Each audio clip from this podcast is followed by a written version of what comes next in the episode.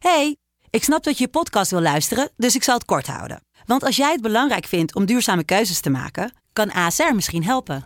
Nou hoor ik je denken, hoe dan?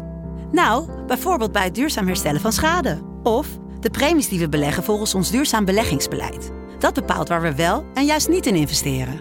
Wil je meer weten over welke duurzame keuzes ASR maakt? Ga dan naar asr.nl slash duurzame keuzes. ASR doet het. Zo, dan kan je nu lekker naar je podcast luisteren. De stroom. Welkom. Gisteren heeft lang geduurd. Maar je hebt het gehaald. Een nieuwe 24 uur. Blijf nog even liggen. Blijf nog even in je lichaam. Laat die telefoon liggen. Je kan de rest van de dag nog op tilt slaan. Dit is voor jou. Dit nu, hier in jouw handen. Jij weet wie je bent. Dat is het enige wat er is op dit moment. Je ogen nog gesloten. Vandaag is nog niet besloten. Laat je gedachten vrij. Er hoeft nog geen stress bij.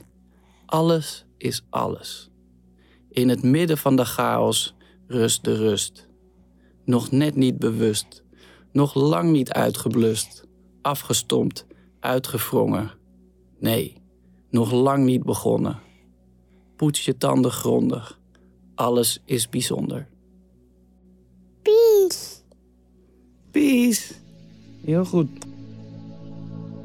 Je luisterde naar professionele tips voor een comfortabel leven. Ik hoop dat je wat aan deze tip hebt gehad. Dat je de boel even de boel hebt kunnen laten. Heb jij zin in nog meer fijne podcast? Luister dan eens naar Vader of de podcast Use and J New Emotions. Geniet. Liefs, Pepijn.